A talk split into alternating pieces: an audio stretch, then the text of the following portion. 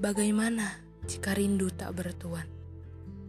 Kau mengerti, sungguh ironis.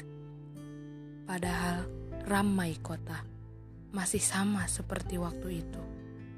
Rindu yang haus menjadi fata morgana. Jika cahaya senja tidak kau dapati, maka awan mendung menjadi penghalang.